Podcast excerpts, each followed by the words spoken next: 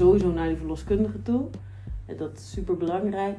En dan, dan zou ik iedereen aanraden om een zwangerschapscursus te doen. En of dat nou zwangerschapshaptonomie is of veel uh, een, een gymnastiekklas of um, heb je allemaal hypnobirthing. Nee, je, je, je, hebt, je hebt de wereld aan uh, varianten. Waarbij elk ding wel een eigen benadering heeft en die moet bij je passen. En de mensen die voor zwangerschapshaptonomie kiezen, die uh, hebben vaak in ieder geval de wens om het met z'n tweeën te doen.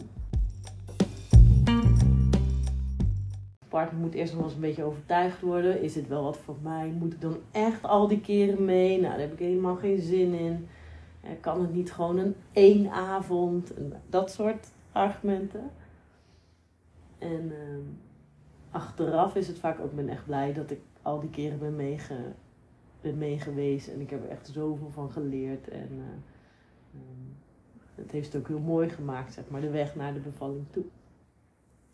Dus dat, dat vind ik een hele leuke shift. Het wordt een beetje geclaimd of op de vrouw gelegd. Hè? Want uh, die is zwanger en, en die, die partner moet zich er maar een beetje omheen bewegen. En het wordt pas echt na de bevalling. Maar dat kindje is er al in de buik. En dat, dat, is, dat is ook jouw kindje.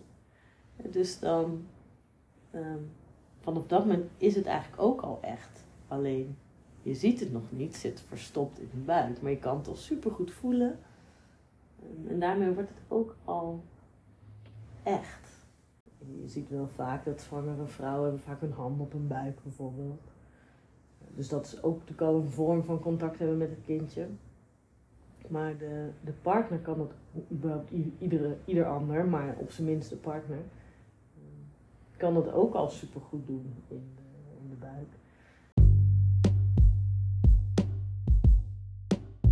Het bereidt voor op de bevalling. Wat kan je doen tijdens de zwangerschap? er zitten vaak ook wel wat klachten en pijntjes en uh, je lijf wordt anders en soms uh, mentaal dingen anders. Uh, hoe, daar het proces doorheen. Dus veel aandacht voor, uh, er komt een, een extra persoon bij in de relatie, dus de dynamiek verandert.